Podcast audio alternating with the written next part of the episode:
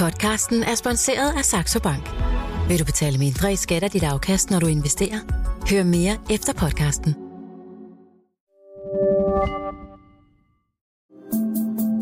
Millionærklubben fra Jørgen Vester med sine Terp.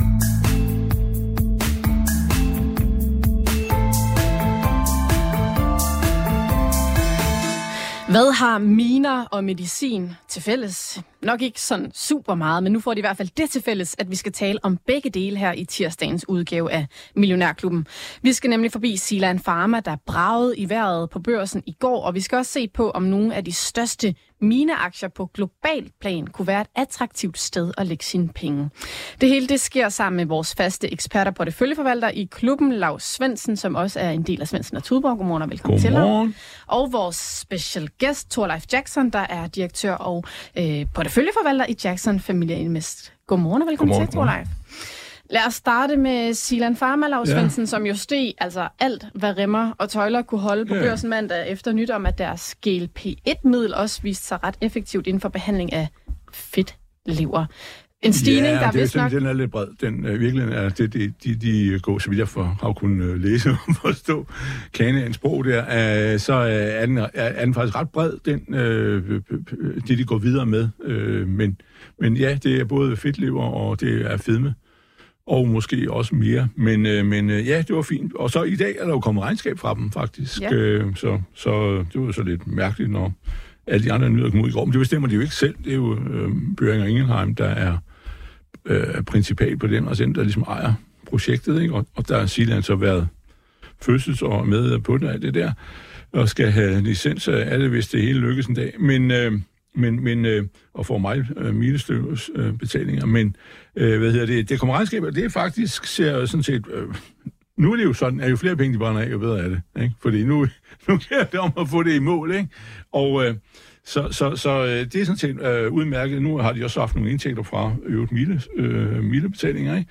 Og så har de altså også oprustet deres kapitalberedskab. De er øh, helt op på, at de har cirka 3 milliarder egne penge, fordi der kom, blev lavet nogle aktietegning her i januar, og så, øh, øh, så har de også øh, fået, har de noget kredit på sådan et eller andet øh, lån fra en eller anden finere foretagende der, der skulle gøre noget godt, øh, jeg tror, den europæiske investeringsbank eller sådan noget. Øh, men øh, så, så de har jo ligesom øh, et, øh, et godt kapitalberedskab, øh, de går løs på. Men det var noget af en hissig, øh, og jeg har, det har jo, øh, Sinan er jo blevet min, det, ikke, det var det ikke til at begynde med, min øh, fedme øh, aktie, fordi øh, jeg har haft øh, den jo været med. Jeg er jo en founding father. Nej, det er ikke min det, Nej, men det var på børsen, men nej, jeg har faktisk været med siden 11, ikke? Mm. men ikke med så mange. Og så her for en, fire år siden, og sådan noget, gearede jeg meget op øh, i den, øh, for jeg synes, det, ligesom, at det, nu er de nået øh, frem ad vejen og sådan noget. Det er jo også ting, der er lykkes for dem, heldigvis.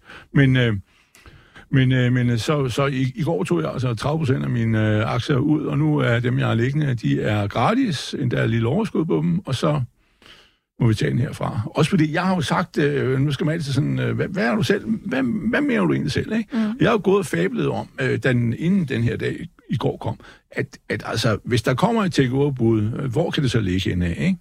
Og Så jeg har sagt 800, øh, og dengang kostede den jo mellem øh, 2, 3, 400 og sådan noget, ikke?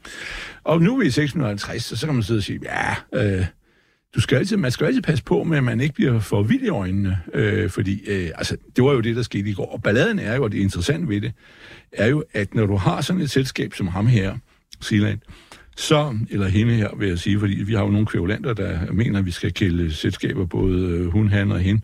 Men hvad hedder det, når jeg kalder han, skal de også hedde noget af alt andet, ikke? Men, øh, men, men øh, øh, så tager vi lige hensyn til dem. Øh, vi vil gerne være brugervenlige, men, men så er pointen jo den, at øh, når du har ligesom, øh, det er jo hjertet, det er, det er kernen, ikke? Og derfor er det, at elastikken i det er jo enorm, hvis øh, det lykkes. Fordi så får de jo et uforholdsmæssigt stort beløb. De har jo ikke, ja, Nova har fem kraner hjemme i Hillerød nu, der står, ikke? Plus nogle mobilkraner. Øh, tårnkraner, så vi tæller kun tårnkraner, ikke? Og så øh, er der også mobilkraner. Altså, nu ser hvor meget, øh, de har jo hele apparatet, ikke? Det har han ja jo, ikke? Og han skal ligesom have øh, royaltyen, og det er så cirka 10 procent formentlig, ikke? Øh, deromkring. At, øh, og derfor er det jo elastikken, leverage, som nogen kalder det for på pænt udenlandsk, den er jo meget større, når det lykkes, ikke? Mm. Det er det, der er det sjove ved ham her. Og derfor er det selvfølgelig også, at han kan flytte så meget, men jeg tror nok i går, der, der, der sad de alle sammen og kiggede på Novo og, og hvad hedder det, øh, øh, Lille, og så kiggede de på ham der Nvidia, og så sagde de og sagde, wow, ikke? det skal bare Det var noget, altså op, op, op. en tur mod skyerne, 36, eller knap Op, op 36 and away. procent Zealand Pharma steg på børsen i går til den største procentuelle stigning, der nogensinde har været i C25-indekset. Torleif Jackson, jeg mener, at vi to øh, har stået herinde i studiet før og talt Novo og Zealand Pharma og holdt dem lidt op mod hinanden, hvor du i hvert fald var øh, fortaler for Novo Nordisk. Holder du stadigvæk fast i det, selvom at der i hvert fald er nogle andre investorer, der til Sydlandet virkelig har fået øh, øjnene op for Zealand Pharma? Jamen, ja, altså, jeg vil sige, det er jo pragtfuldt, at der findes øh, en øh, farmasektor i Danmark, og også øh, øh, biotech-selskaber, der er i, på forskningsområdet. Det, jeg glæder mig, når jeg ser succes hos øh, Genmap og, og, og Silan Pharma. Øh, men altså, jeg er mere sådan... Øh, øh, value investor, traditionel investor. Jeg kan godt lide at investere i de selskaber, der du ved, har stabile overskudsgrader og betaler udbytte. Og det er altså ikke Zealand Pharma. Zealand Pharma har nu haft underskud fem år i træk, og det er godt, ikke godt at vide, hvornår de øh, virkelig betaler og begynder at betale udbytte. Man kan håbe på, at de bliver overtaget. Det kan sagtens ske. Så mm. ja, tillykke til aktionærerne. Ja, tillykke til aktionærerne, men det går altså lidt den anden vej her du, til er- du er morgen. en gammel konservativ mand, jo. Du er sådan noget, der står og giver kasse hele tiden, ikke? Og det, det, ja, han, det er jo et laboratorium, ikke? Altså, det er, er det det. Han er ikke nået frem til, og nu er det, går det fra, øh, skal, er jo nærmere vi os, jeg tror en gang, ikke engang, jeg gik han i fase, han gik ind i fase 3 nu, ikke? Mm. Altså, det er jo, hvad hedder det, øh, men så har han jo flere produkter, også skal vi huske, der er jo flere bold på vej. Og, og det, altså det eneste, jeg, nu, er bare, nu vil jeg bare give jer et lille råd, eller det er min læremåde at tænke på det her. Man skal finde virksomheder, som er plac- at det, de gør, er basalt set det rigtige. Om de så lykkes med det eller ej, det kan man ikke vide. Nå, men det er det, der er pointen med... med, med Svendsen, man leder da aldrig efter selskaber, der gør det forkerte. Jamen, jo, men det gør du jo lidt ved, at du, du skyder i øst og vest. Men hvis du, hvis du sidder og siger, hvad er det egentlig, den her virksomhed laver? Og han laver peptider, og det er jo små proteiner. Og det er, der er nogle kloge folk, der siger, at, at praktisk talt alt medicin, øh, hvad hedder det, produkter er, handler om proteinkemi. Øh, øh, og det er sikkert rigtigt nok. Men undtagen sådan noget med vacciner og den slags. Men, men pointen er, at hvis du gør det, og du sidder og siger, at det her var, og de havde jo en GLP-1, som var konkurrent med, med øh, Novos første generations produkt, ikke? som rent faktisk lykkedes. Men, men, øh, men, men så er du jo det rigtige sted. Så er du ikke et eller andet mærkeligt, man siger, vi laver et eller andet kraftmiddel som øh, øh, øh et, et, lille molekyle, som vi syntetiserer, som sikkert virker og sådan noget. Altså, det er det, der er det gode ved ham, og det er også det gode, der er ved Bavarian de er placeret og har kerneteknologier, som har potentiale til at lykkes. Mens hvis du kommer en eller anden, der siger, jeg har et molekyle her, som består af, af 27 øh, hvad hedder det, forskellige øh, ting og sager, der er skruet sammen, og det skal nok virke mod både dit og dat. Det, det er noget helt andet. Ja, hvad siger du på det? Jeg, vil, øh, jeg, jeg bliver lidt provokeret af, at du Ja. ja. siger, at, at den har potentiale til uh, succes for for eksempel Bavarian Nordic. Nu har de leveret dårlige resultater i 25 år. Mm. Øhm, og man kan, man, kan, man kan få en hver investering til at se fantastisk ud, hvis man øh, laver nogle øh, gode antagelser og ser lidt optimistisk og ser lidt potentiale i dem. Der er ikke en aktie, der ikke har et stort potentiale. Nej, nej, nu kan man så sige, det der er så sjovt, eller der hvor der ligesom også nu er sket noget, det var jo, at egentlig fra starten af, var de jo, eh, Bavarian jo, skød jo efter de store ting. De skød også efter HIV. De skød efter at, at bruge øh, vacciner til ikke mod, øh, hvad hedder det, mod, ja, det her koppervaccine, men egentlig ikke mod at lave øh, vacciner til, øh, til øh, store sygdomme, men mod øh, øh, som terapeut, altså behandling af kræft. Og det er jo det, de lige har opgivet og sagt videre. Og det er jo også realistisk, at de har ikke poweren til at bære. Det kan godt være, at vacciner kan bruges som øh, metode. Det kan det jo. Der er jo vist et eller to produkter allerede i verden på den måde. Men de kan ikke bære det frem. Mm. Således kom vi altså øh, godt rundt omkring farmasektoren ja. i Danmark øh, på baggrund af Zealand Pharma, der steg rigtig kraftigt i går, og som altså falder tilbage i dag, cirka 6% på min skærm, efter de er udkommet med regnskab. En anden aktie, der også falder tilbage i børsåbningen i dag, det er Jyske Bank. De har ja, også nu siger han så udgivet... igen. Ja, det kan godt være. Det gør de altså ikke på Euroinvestor.dk, hvor der jo er øh, live-kurser, når man er logget ind. Øhm, den er nede 2,2 procent på min skærm, efter de jo faktisk har leveret et historisk godt resultat, siger de i hvert fald Ja, ja, ja, meget flot. Deres indtjening er 57 procent højere, end den var sidste år. Ja. Svendsen, det ser Ja. ja. udmærket ud i dine øjne, eller hvad? Ja, ja, det kan du ikke klage over. Og, øhm, og, og de har jo købt, øh, jeg tror, øh, var jeg er blevet til tre de banker, de har købt, de har også købt PFA og en eller anden mærkelig en ud over Handelsbanken, som jo er størrelse på, ikke? Så hvad hedder det, øh, så, så, så, så de er ude og så videre. Ja, så længe renten er lav, og øh, øh boligmarkedet er godt, de er jo, altså i virkeligheden er Jyske Bank jo, altså kære venner, det er jo realkredit. Altså, det der, det er jo realkredit meget mere, end det er øh, en bank. Det skal man lige huske. Og det var også derfor, at øh, under finanskrisen klarede Jyske Bank sig jo igennem, fordi de havde en meget lav kreditgivning. Hvis du regner ud, hvor meget var deres udlån garantier i forhold til indkapitalen, var den faktisk meget lav. Og derfor klarede de så også, øh, de fik jo aldrig hjælp. Det var dem, der måtte betale gildet for nogle af de andre. Det har Anders Dam jo også brokket sig noget over i tidens løb. Men, men så skal man lige huske, det er regel det. Hvis der bliver problemer med boligmarkedet, og renten skal pile opad, så er det ikke Jyske Bank, du skal være i. Men ellers så er det ja. Torlef Jackson, i finanssektoren generelt, og måske også i særdeleshed Jyske Bank, er det noget, du har øjne på for tiden? Jeg synes, at Jyske Bank er et fremragende selskab. Jeg har selv været aktionær i rigtig mange år. Mm. Og jeg er også øh, to gange blevet kunde øh, per default. Første gang, det var, da jeg var øh, kunde i Skandia-banken, som blev opkøbt af, af, af, af omveje og endte øh, i Jyske Bank. Øh, den konto, den lukkede jeg. Og så blev jeg siden kunde i Handelsbanken, og nu er jeg så igen blevet kunde i Jysk Bank. De vil så, have dig tilbage. Ja. så det er jo De bare skæbnen af, det er skæbnen af, at jeg skal være kunde i Jysk Bank. Det, Ja. det er fint nok, når jeg, man er aktionær. Så jeg har det rigtig godt med Jysk Bank. synes, de gør det godt. De gør det godt, men en, der synes, de måske ikke gør det så godt, det er Per Hansen fra Nordnet. Han er ude og sådan, skal lidt ud her til morgen. Han siger, at de har en udladningspolitik, de nu lægger frem på bordet, med, som hedder 30 procent, de vil udbetale. Og det synes han, at det isolerer Jyske Bank i bunden af de danske banker. Torlef Jackson, det, det ryster du lidt på hovedet af. Du synes stadigvæk, det er et, øh, et godt selskab, og hæfter dig så måske ikke så meget ved, hvor meget de udløjder. Det, det er da bedre end tidligere, der hvor de slet ikke udløjede noget. Så jeg er da glad for 30 procent. Og så har de jo også aktier tilbagekøb for den overskydende kapital. Så der er ikke noget at være ked af der. Men, men altså, han refererer jo til, at, at banker generelt ligger på 50 øh, til, tre- til 60 procent, ikke? Mm.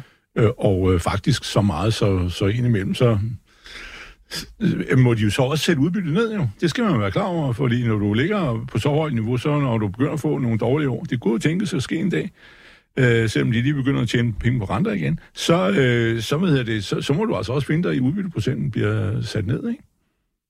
Torlef? Altså min pointe, det er, at aktionærerne bliver ikke hverken rigere eller fattigere af at få udbytte. Det er jo bare ens egen penge, man får. Det er at flytte penge fra den ene lomme til den anden lomme. Mm. Så jeg er egentlig helst øh, fri for udbytter. Øh, når det er sagt, så ved jeg godt, at, at udbytter virker disciplinerende på øh, ledelsen. Det er meget fint, hvis man, man har et vist niveau, for eksempel øh, 30 procent eller 10 kroner per aktie. Øh, hvis man ved, at man skal finde nogle kontanter i løbet af de næste 12 måneder, så øh, kommer man nok til at spare lidt og, og være lidt mere omhyggelig med, med, med sin Mm. Skal vi ikke lige så tage det spørgsmål også op nu, vi har så en som dig, fordi du tør sådan set godt sige noget i, for, i modsætning til så mange andre. Men øh, det der spørgsmål om, at man skal altid også passe lidt på, øh, at når du, nogen kommer med noget halv, halv øh, mat regnskab, så kommer de ud, og så smækker de, at vi skal have et, øh, øh, et tilbagekøbsprogram, og så styrter de ned i banken og, og, og låner penge. Altså, vi kunne nævne et par eksempler. Har øh, Pandora penge i kassen? Nej, de har låner penge. Har ISS penge i kassen? Nej, de låner penge. Har Carlsberg penge i kassen? Nej, de låner penge. Det vil sige, de skal gå ned og spørge øh, banken først, hvor meget har vi øh, her, der kører, ikke? Og så skal banken så sige, det er en god idé, men måske så øh, skal vi jo så øh, forestå operationen med at købe de her aktier for dig, lille mand, mens du hiver i din kassekredit. Ikke? Altså, nå, men, det er jo ikke, hvis du ligger og buner i penge, som, som Novo gør, de er faktisk også begyndt at låne penge. Men, men så, ved jeg det, så er det jo lidt mere, mere legitimt. Men hvis du sidder og skal gå ned i banken på dine knæ, øh, det er jo ikke mm. bom. Torlef Jackson, aktietilbagekøb for lånte penge. Hvad tænker du om det? Ja, det er lidt ligesom diskussionen med, øh, med øh, låneloftet i USA. Mm. Altså, hvis man er verdens rigeste firma som Novo, så giver det måske mening at have lidt lån. Og det samme med Pandora, de flyder over i kontanter. Hvad skal de, hvad, altså, så, bruger, så Åh. returnerer de dem til aktionæren i, forhold, i form af udbytte og først. Og måske giver det også mening at have en lille smule lån. Ej, jeg tror, deres lån det er to-tre måneders indtjening.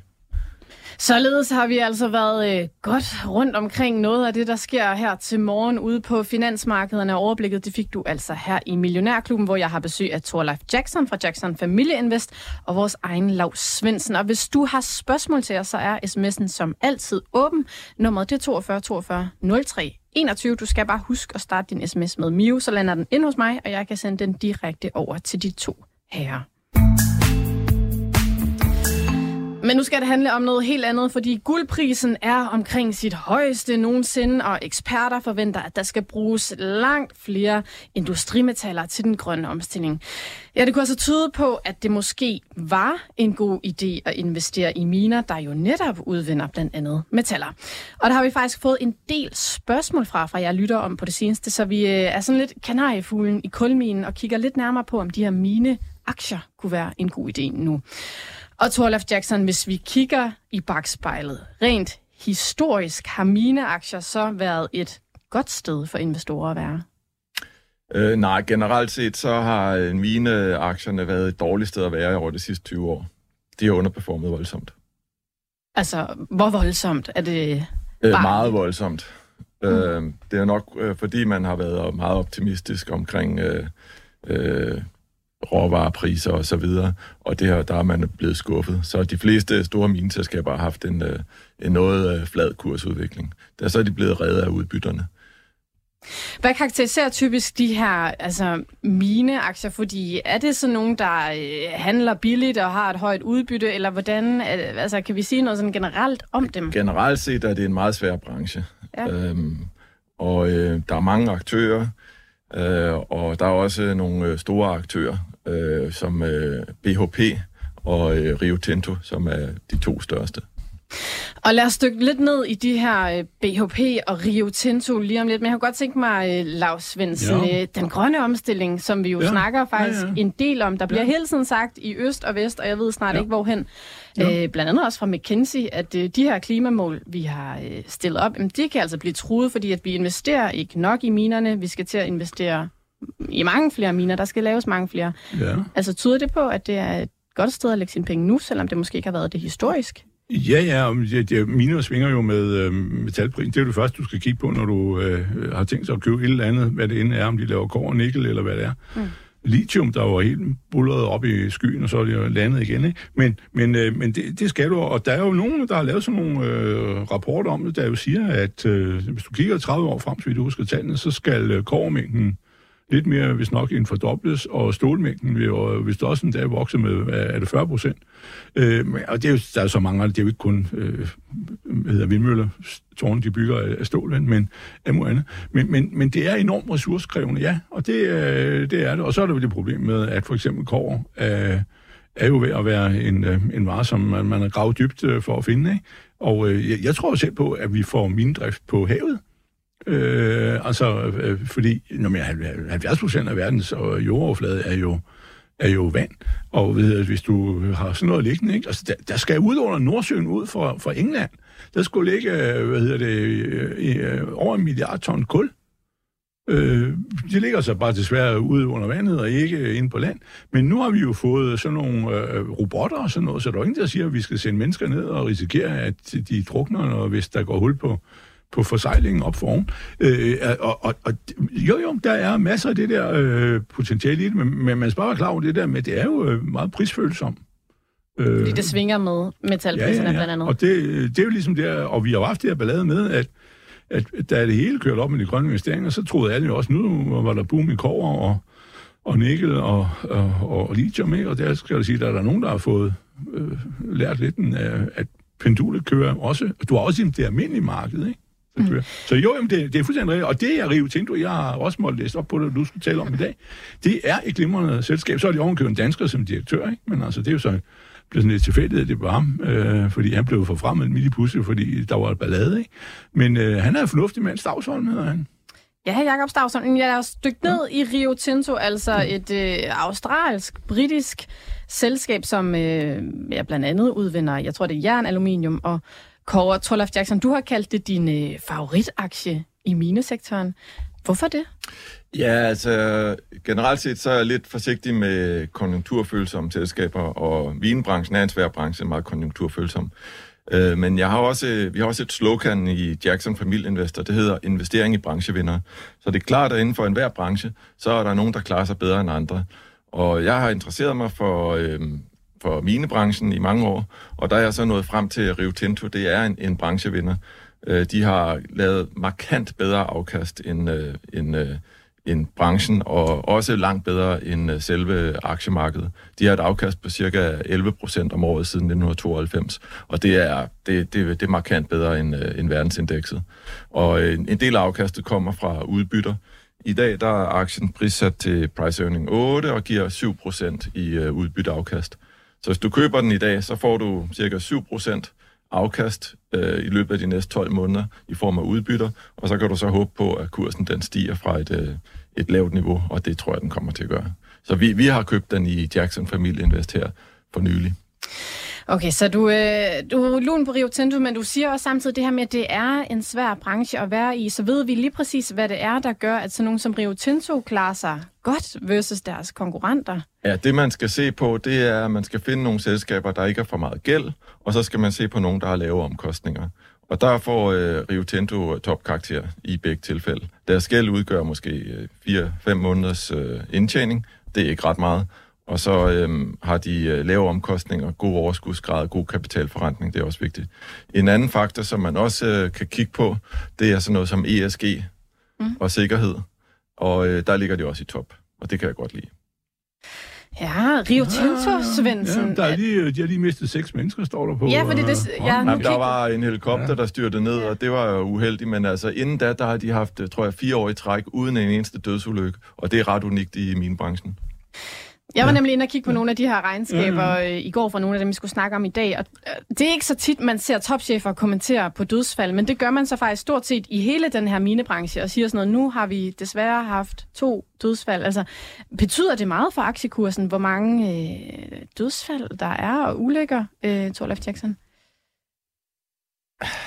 Altså, øh, jeg mener, at ordentlighed, det skal være, øh, det er vigtigt. Mm. Og, øh, og det gælder om at, at, at drive øh, en, en øh, virksomhed på en måde, hvor at medarbejderne de øh, ikke løber unødige risik, risici. Og det bruger øh, Rio Tinto meget energi på at undgå øh, risici. Og, øh, og, og der, man kan nok ikke undgå, at der, der sker uheld, men man kan minimere det, og det synes jeg, de er gode til. Det er jo en kæmpe operation, de har. Der er 50.000 ansatte. Så ja, kæmpe store miner, ja, ja, kæmpe store maskiner. Ja. Det er virkelig en farlig branche. Ja. Mm. Og i øvrigt, så for, så forleden dag var det ISS, der jo også måtte fortælle, at de havde, havde, havde nogle dødsfald, ikke? Mm. Altså, øh, og, og, øh, og AP Møller, som jeg jo følger mest, øh, som på det der plan, man læste med langt ind i det, at de, de har jo næsten også... Øh, hver eller andet år, øh, nogen, og de har så 100.000 ansatte liv cirka. Men, men, det, det, er, jo, men det er jo et, et stort problem, ikke? Det sagde ham Kettelermanden, ham med kranerne jo også, og siger, at det vigtigste for mig, det er jo, at folk kommer hjem. Altså, og, og øh, igen, altså man kan jo ikke sende folk ud, og der er det jo nogle mega vægte. Der er lige sådan et modul over i Sydkorea, der er presset sammen øh, på, på et skibsværft, Øh, og, og, og hvis du er nede under den, så det er jo ligegyldigt, om de har slået i, af to tons eller af, af, af 2.000 tons. Men, men altså, at øh, det, det er jo virkelig noget, der, der, der, der vil noget. Og derfor er det jo også, og det er faktisk en af de gode ting, tror jeg, at øh, fordi Stavsholm kom jo til i forbindelse med en frygtelig ballade derude, øh, om at de var, øh, firmaet var jo kommet til, øh, jeg ved ikke nærmest jævne med jorden, en eller anden landsby i Vestaustralien øh, som fra nogle lokale øh, folk og sådan noget. Og øh, der er ligesom, at man ikke tog det særligt alvorligt, så ham, der var chef, han forsvandt i løbet af ingen tid. Ikke? Øh, og øh, så blev Stavnshold øh, Holm, øh, sådan set forfremmet. Øh, men for han var finanschef ikke, dengang. Men, øh, men hvad hedder det? Og, det? og det er jo også et eksempel på, at man, når man laver det her, de har jo altså øh, nogle voldsomme øh, implikationer på, på de der lokalsamfund, fordi mm. du, du graver jo områder op, der, der er store som, som en kommune. Ikke? Mm. Ja. Altså er der egentlig nogle øh, institutionelle investorer, som holder sig fra de her øh, mineinvesteringer, fordi det simpelthen ikke er bæredygtigt nok, eller ikke lever op til ESG-krav, Det er da sikkert. Jeg ved det ikke. Øh, men, men, men, øh, men jo, jo, men det, det er der jo alt det der. Men det, vi har jo også ballade med olien, ikke? Og sådan noget. Mm. Men, øh, men altså, det, det, generelt set skal virksomheder opføre sig ordentligt. Og det, og det der med, at du kører øh, og det er det indtryk, jeg har af den her virksomhed, uden jeg er jo ekspert i den. Du har været helt nede og kigge om den dybde, ikke? Men, øh, men at de, de virkelig holder sig langt fra stregerne. Altså man kan jo godt gå, gå, øh, gå, gå tættere på, altså ligesom hvor, hvor meget presser du tingene, ikke? Mm. Øh, ja. Torleif, du har også fremhævet, at uh, langt hovedparten af Rio Tintos miner, de ligger i Nordamerika og Australien. Hvad gør det for din opfattelse af selskabet? Jamen, øh, det er vigtigt, at deres miner ligger i retsstater, hvor man ikke risikerer at få eksproprieret øh, minerne, øh, som det vil man risikere i lande som Sydamerika eller øh, Asien, hvor der øh, det generelt set er, ikke er demokratiske forhold og, og retsstater. Mm. Så, så i forhold til visse andre selskaber, for eksempel øh, Valle, som er, er brasiliansk, så vil jeg sige, at der er en meget mindre risiko ved øh, Rio Tinto og BHP for den sags skyld. Mm. Okay, således altså Rio Tinto. Vi har også lige fået et spørgsmål ind på sms'en om, hvad for en øh, notering man kunne overveje at købe ind i. Jeg ved ikke, om det er, fordi den er noteret flere steder, Torlef Den er parallelt noteret i London og New York og Sydney, og det er flindren ligegyldigt, hvor du køber den. Okay. Ja, så er der lige en forbehold, det er, at øh, i USA er det en ADR. Og så er det lige, man skal passe på den der mekanik med, at øh, indtil videre er det i hvert fald sådan, at på aktiesparekontoen, der øh, må man øh, ikke købe ADR og ADS'er, altså certifikater, der skal det være en rigtig aktie. Det er det samme, der er, men, men øh, det, det, altså på et eller andet tidspunkt, øh, så bliver det nok lavet om. Det burde det jo gøre, men, men man lige passe på den der landmine. Hvad? Der er også en, øh, en øh, god øh, finte ved øh, Rio Tinto. Det er, at den har sin øh, hovednotering i London.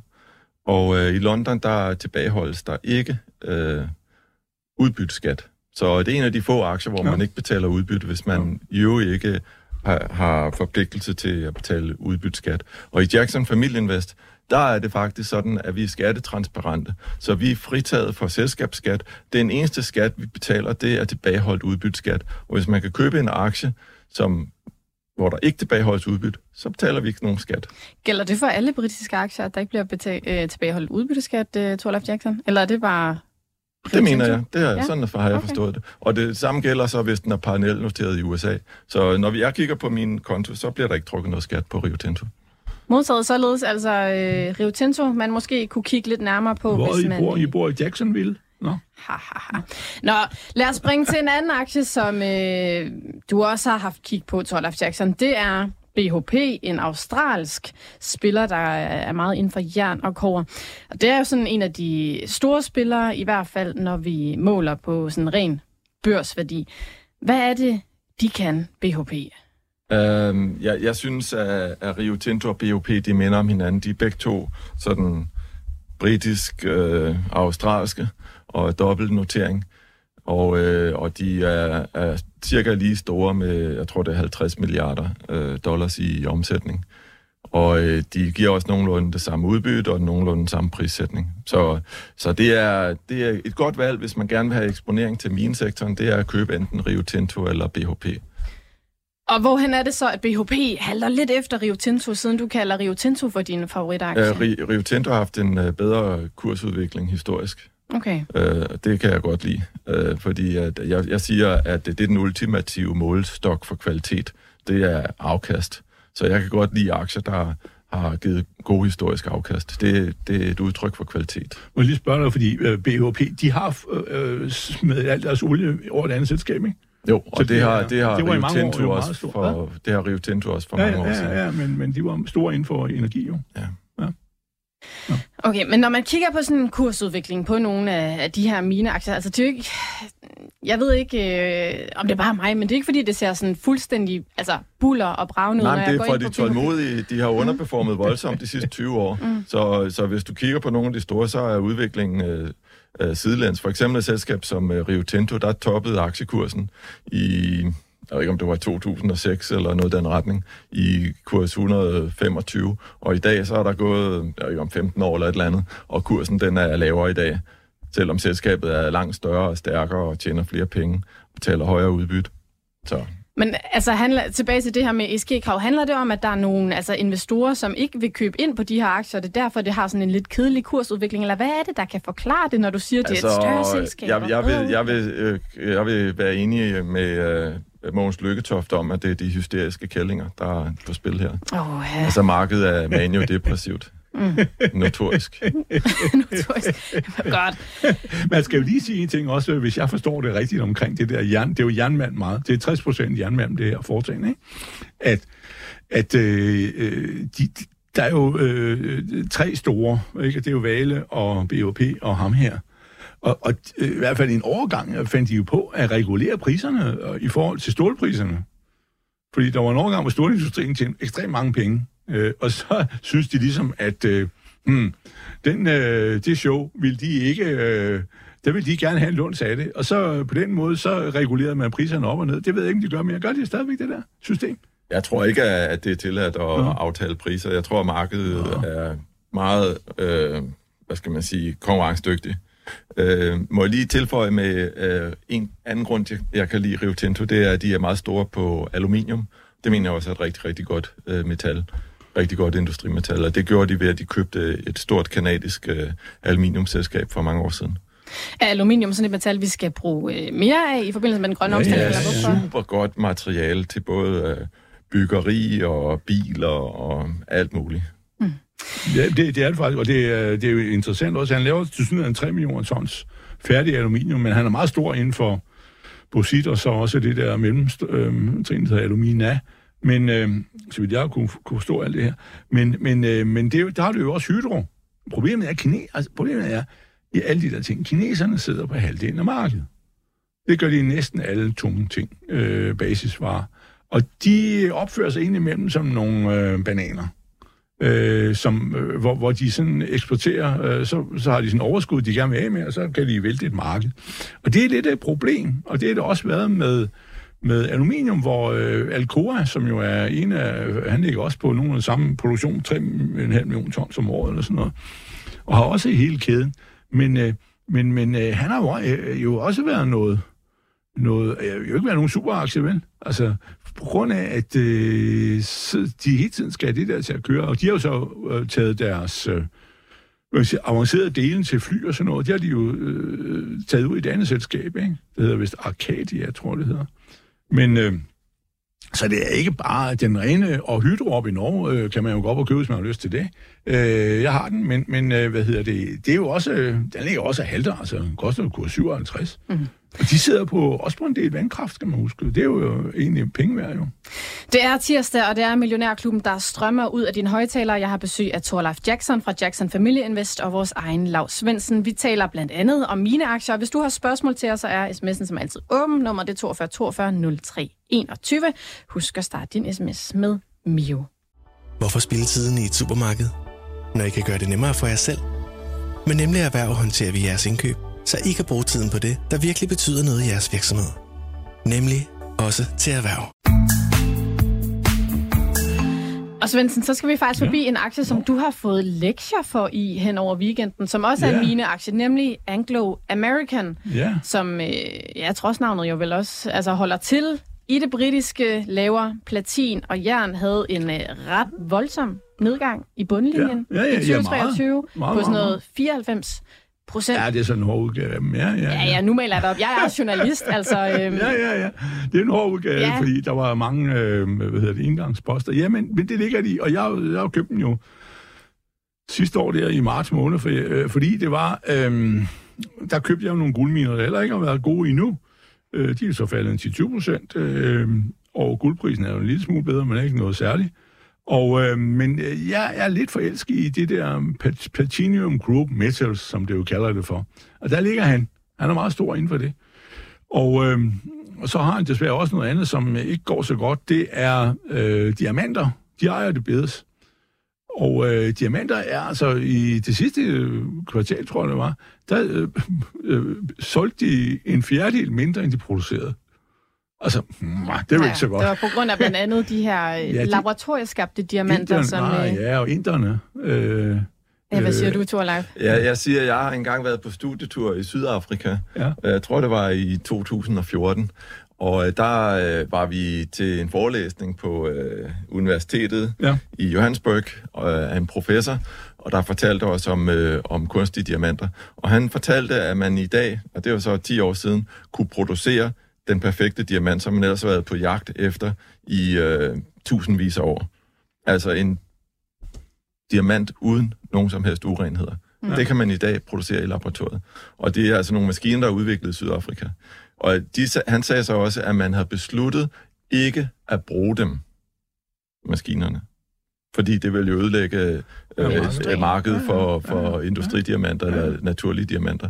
Ja. Men altså, måske er der nogen, der andre, der har udviklet nogle maskiner i mellemtiden. Så det ser ud til, at der er kommet øh, kunstige diamanter på markedet. Øh, og det er jo blandt andet også noget, som øh, Pandora, de forsøger at profilere sig på. De, de vil jo gerne øh, øh, være sådan en slags genbrugs- og økologisk øh, fabrik næsten, som siger, at vi bruger kun genbrugsguld og genbrugssøl og kunstige diamanter. Så mm. vi er ikke nogen øh, miljøsynder. Mm.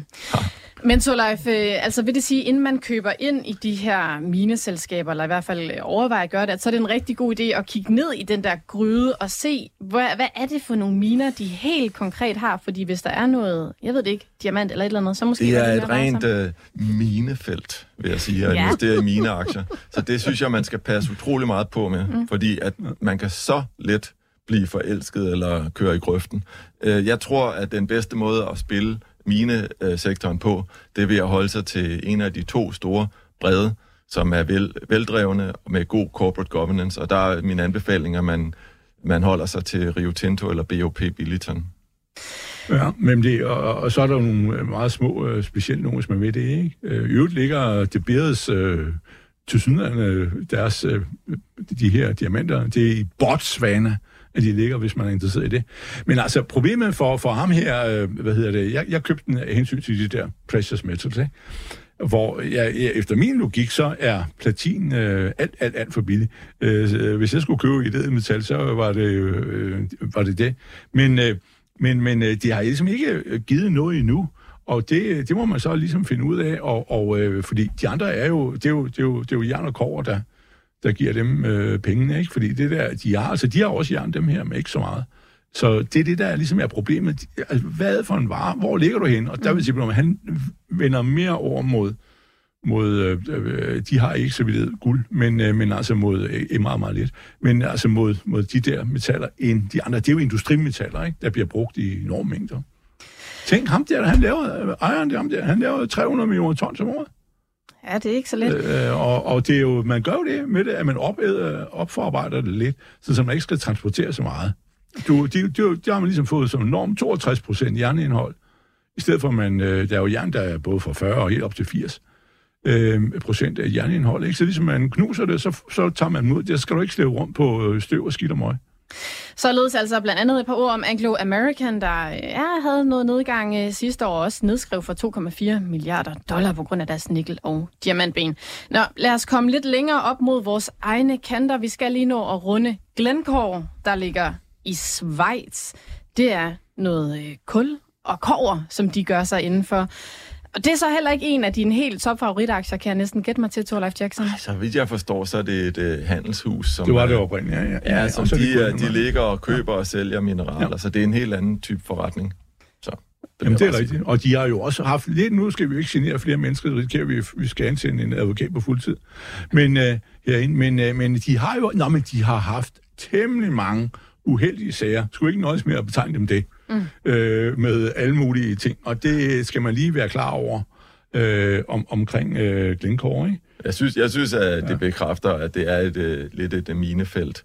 Det er svært at investere i minebranchen. Mm. Der, der er mange øh, øh, måder, man kan tage penge på. Mm. Ved, ved du godt, der findes jo et stort citat om miner, øh, som jeg nu kommer i tanke om her. Øh, langt til Mark Twain, han døde jo i 1905, så vi husker, den første rigtige amerikanske forfatter. Han sagde, en mineejer, det er en løgnhals med et hul i jorden. Ja. Det, og det er jo meget øh, præcist øh, øh, beskrevet, også fordi hvis, hvis nogle gange, når du har sådan noget øhm, øh, med, med en mine øh, et eller andet sted, så vil de jo ikke gå ud og sige, altså vi har kover her til de næste 200 år, ikke? Hvor, hvad, hvad tror du så, der sker med koverprisen, ikke? Ej, de siger, at det er meget vanskelig operation, og vi kan måske presse produktionen op til næste år med 5-8 procent. Jamen, altså, det er der problem. Det er også derfor, hvordan kan det være, at olieindustrien har haft 40 års øh, oliereserver i hele min levetid? Jamen, det er jo nok, fordi de ikke siger hele sandheden, ikke? Ja, løgnhalse have- med et hul i jorden, Lars det er det da, fordi når du, når du køber den, ikke, så er der ikke noget dernede, og når snart du har fået den, så er der ikke voldsomt meget mere, men der er lidt mere. Fordi hvis der var voldsomt meget mere, så har du snydt ham, du købte af, og så øh, ville prisen på det falde. Så det gælder om at holde prisen op. Ja. Det kan være, at man skal holde sig helt fra mine-sektoren. Øh, sektoren. Mm. Altså, det er en sektor, der er underperformet, og det er et rent minefelt. Det Så et rent minefelt. det, det vil jeg sige, det var måske det bedste råd, vi kan komme herfra. Men, men så vil jeg jo lige sige til dig, det som tiltaler mig ved sådan noget som det her, øh, det er jo også, at det er jo noget, hvor du basalt set, når du har fået øh, koncessionen og minen og lov til at tage det op, så er der jo ingen, altså det er jo alt sammen kost. Bare, hvad koster det at, at, at smide en dynamitstang derned, og, og en, en dumper og en gravmaskine og noget fra Atlas Copco? Altså, det er jo ligesom med skibe, at øh, det tiltaler mig voldsomt, at øh, der må man sige, de der driftsomkostninger, du har på en besætning ombord og et købskib, jamen så er det penge i kasseapparatet, og når prisen stiger, så er, det folk, er der endnu flere penge i kasseapparatet. Altså, nå, men det er jo det, der gør, ligesom de havde et år her i 21, de tjente jo vanvittigt beløb, og nu er de sådan tilbage på normal, øh, vi gætter på det normale niveau, ikke? men altså, det, det er jo, der er noget, der kan noget. Godt. Mine aktier, som altså er et minefelt, nok uanset hvordan vi vender og drejer det, og også selvom at vi sandsynligvis skal bruge mange flere, i hvert fald industrimetaller i fremtiden. Vi har fået mange gode spørgsmål ind på sms'en, og jeg tænker, at vi øh, dykker lidt ned i dem nu. Men hvis man ikke kan få nok af Millionærklubben, så afholder vi altså også et Millionærklubben eksklusiv arrangement den 21. marts her i vores gemakker i København. Det skal handle om AI, og blandt andet Anders Bæk og Michael Friis, tror jeg det er, og også Ben Dallager fra KPMG. De kommer forbi og snakker om kunstig intelligens, meget mere om arrangementet og billetter på euroinvestor.dk-arrangementer. Torleif, øh, du har været herinde et par gange før, og det er som om, at hver eneste gang du er her, så husker lytterne, hvad for nogle aktier du har snakket om, og så hænger de der simpelthen, øh, eller de tager dig sådan til indtægt for dem i hvert fald, fordi der er en herinde, der, øh, det er Kenneth i Odense, der kan huske, at du har snakket om brødrene A.O. Johansen sidste gang du var med, som historisk set har gjort det godt, men de er nede i hullet nu. Er det på tide til at købe ind, eller er branchen fortsat udfordret, spørger Kenneth.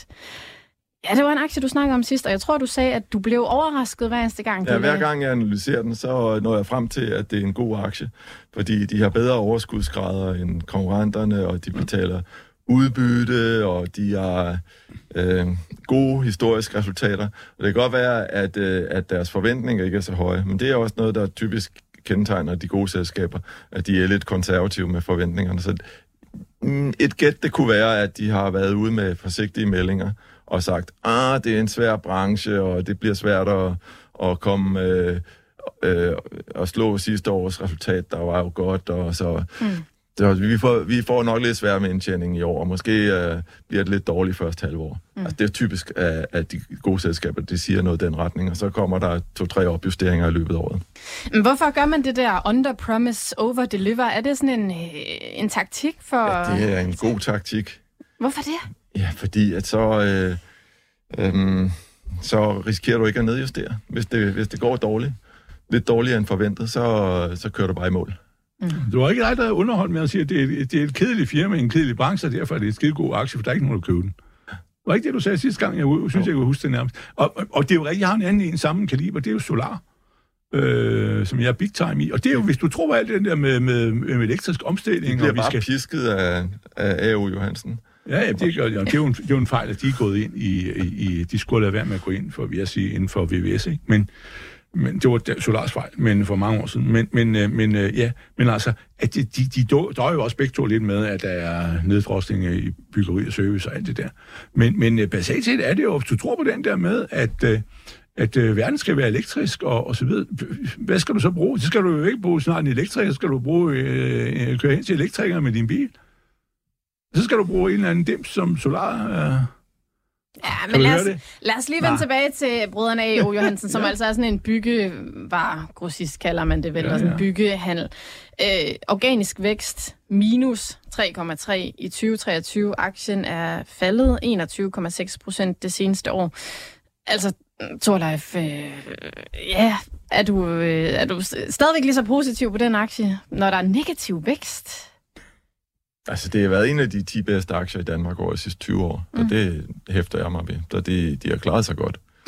Så det her med, hvordan de lige kommer ud et enkelt år, det, Det lader du stå sådan lidt mere. Altså, når jeg sammenligner prissætningen med konkurrenterne, så, så, så de lavere prissat end konkurrenterne, selvom de har bedre resultater. Mm. Og det, for mig, så er det, så er det et tegn på, at øh, aktien den er billig. Men altså, det, det, du, kan godt, du kan godt sige, at den er faldet i kurs. Ja, det er sandt. Modtaget. Således altså brødrene A.O. Johansen, som øh, Kenneth i Odense havde spurgt os ind til. En anden aktie, som du også bliver holdt op på, det er øh, LEG Immobilien, et tysk boligselskab, hvis jeg ikke husker helt forkert. Vi lavede en udsendelse, jeg tror snart, det er et års tid siden, hvor du var inde og snakke om det, og der, der var du også ret glad for den aktie. Holder det stadigvæk stik? Ja, jeg er stadigvæk øh, en aktie, som jeg interesserer mig utrolig meget for. Mm. Og jeg synes, de gør det godt. Øhm, og øh, ja, de er lidt udfordret af, at øh, boligpriserne er faldet i Tyskland. De er vel faldet en cirka 10 procent. Øh, og, øh, og så har de meldt ud, at de vil øh, øh, værdiregulere boligerne ned også i andet halvår. Så baseret på det, så forventer markedet, at de får et underskud på 1,6 milliarder euro, og det får den indre værdi til at falde øh, ned til omkring 130 øh, euro, hvor den, øh, den har toppet omkring 153 eller noget den retning. Så, så de har set øh, indre værdi falde øh, noget, og det er selvfølgelig øh, øh, dårligt, kan man sige. Og øh, markedet er bange for, at, øh, at øh, de også får underskud i 2024, og de måske sløjfer udbyttet igen. Og det er ligesom det, som øh, vi får svar på i næste uge, når de kommer med regnskab. Det bliver rigtig spændende. Må jeg, må jeg spørge noget, for jeg er også fuldt lidt med i de der tyske ejendomsselskaber. Der er jo, der er jo temmelig mange.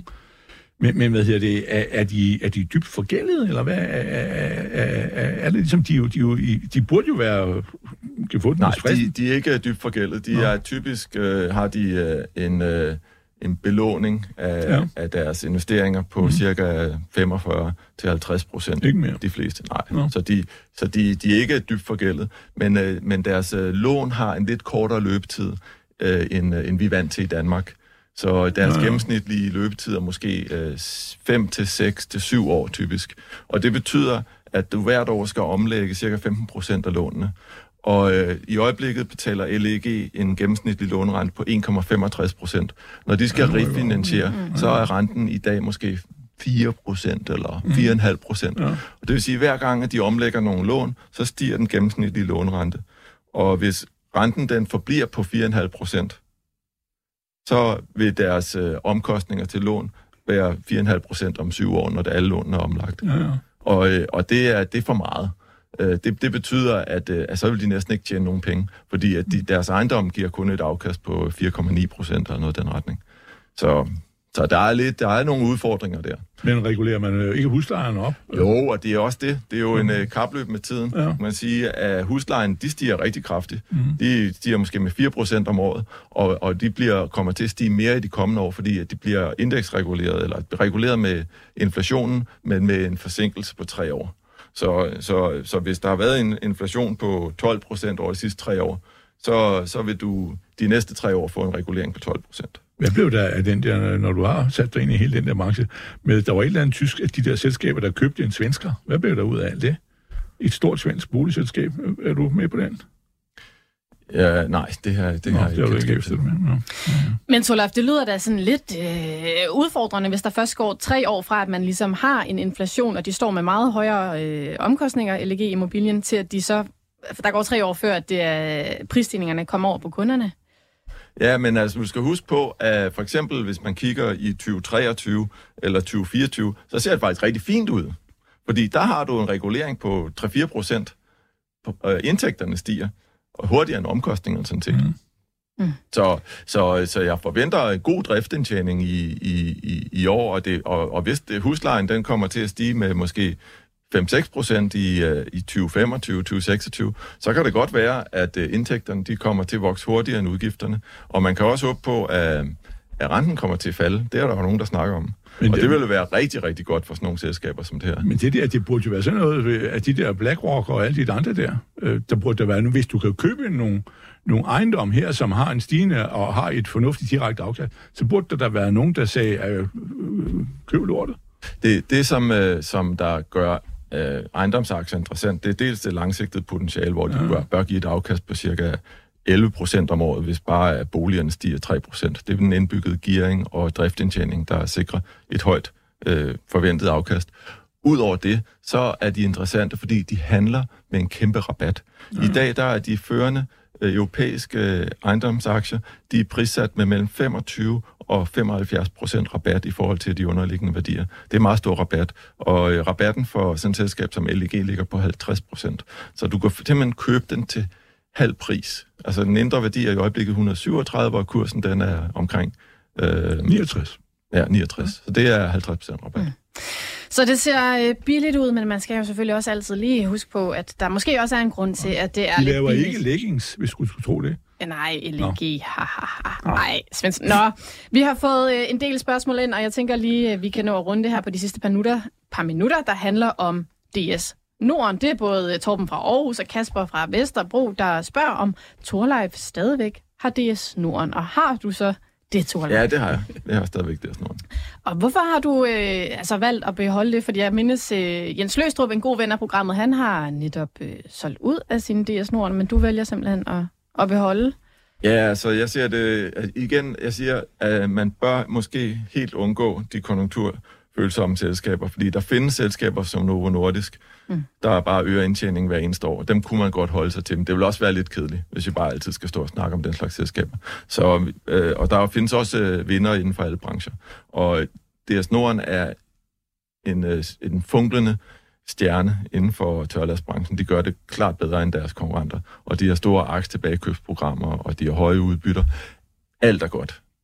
Alt er godt, men hvad er det, de er så gode til relativt til deres konkurrenter? Fordi det er jo... De har for eksempel en asset-light-model, hvor de ikke ejer øh, særlig mange øh, skibe i forhold til, hvor mange de, øh, de administrerer. Og det gør, at der ikke er den store ris- risiko nedad, hvis, øh, hvis skibspriserne de skulle falde. Øh, og til gengæld har de en stor upside, fordi de har købsoptioner på alle de her skibe, som de har indchartret. Og det vil sige, at hvis øh, skibspriserne de begynder at stige, så tjener de gigantisk med penge. Fordi de simpelthen kan gå de ind har og en højere, købe. De har en stor upside og en lille downside, og det, det er en asymmetri, der gør, at øh, selskabet over tid tjener ufattelig mange penge. Og jeg, jeg, jeg ved godt, at, at øh, de måske ikke... Øh, indtjeningen den faldt lidt i 2023, men er stadigvæk høj. Med, øh, jeg tror, det var omkring 89 kroner per aktie. Det var trods alt det næstbedste resultat nogensinde. Mm. Jens Løstrups øh, argument for at stille lidt ja. ud af dem, så vidt jeg husker, øh, Svendsen, der må du rette mig, hvis jeg tager ja. fejl, men det er det her med, at mange af deres skibe, som de jo så har inde i den her asset light model, de er allerede sådan lejet ud på nogle meget lange kontrakter, og man kan ikke på samme måde ligesom gå ind og udnytte, at nu stiger fragtretterne i spotmarkedet. Hvad tænker du, Torleif? Er det noget, der påvirker? Det er jo igen, du kan, du kan uh, doble dine penge ret hurtigt, hvis du går på casino, mm. men det er ikke det, den business, som uh, DS Norden er inde i. De afdækker deres indtjening, og det er de gode til. Og, øh, og på den måde så sikrer de også indtjening, så du er ret sikker på, at de får overskud øh, i 2024, selvom fragtretterne skulle gå helt i bund, fordi de har sikret sig. Og hvis det går helt i bund, så, så vil de bare øh, lave nogle nye sikringer på lave kurser, og så vil de tjene en masse penge i de efterfølgende år. Og det er det, de kan. Så det er altså ikke en aktie, der sådan lige umiddelbart er på vej ud af din øh, portefølje? Nej, du ryster ja. på hovedet. Lars Svendsen, ja, ja. Øh, vi har et lille minuts øh, tid tilbage, eller ja, der bliver faktisk spurgt til jer begge to, om I kender Jack, eller om I kender Ivanhoe Mines, som laver kover. Nej, Nej, det er Josefine, der spørger. Nej. Nej. Godt, lad os da bare tage et smut ud på markedet, Svendsen, for jeg tror bare slet ikke rigtigt, vi har været derude. Nej, nej, nej, jeg vil op? sige, at, at uh, Silan falder 8% ned i 594. Det er altså nogle af det hele. Og ham er Netcompany, hvor vi har fået passwordet. Ikke? Jeg har også tænkt mig at ændre mit nu til Netcompany 1, 2, 3. Uh, hvad hedder det på mine uh, forskellige programmer, så kan de jo prøve det til en god, så siger jeg det, så prøver de det, så kan de ikke komme ind, og så ja. er jeg jo fred. Der det er da smart. Ikke, vi har slet ja. ikke haft tid til at snakke om og deres hacker. Jeg er nede i 2, Nej, vi er nede med en tredjedel procent. Nå, jamen, ja, men det er jo så, hvad, hvad, hvad russer og russiske bananer laver i en baggård, kan vi man jo ikke vide. Men, øh, men, øh, men de, de har jo lukket alt muligt ned, hvis de kan. Men altså, hvad hedder det, det, det er lidt, lidt tur morgen, og, og Silland altså øh, må, må give sig lige under 600 nu. Yes. Således spænder vi en sløjfe på dagens program. Tusind tak til Thorleif Jackson, tusind tak til dig, Lars Svendsen, og tak til Daniel Sartu Lassen, der fik øh, hele udsendelsen til at køre ud fra teknikken. Tak.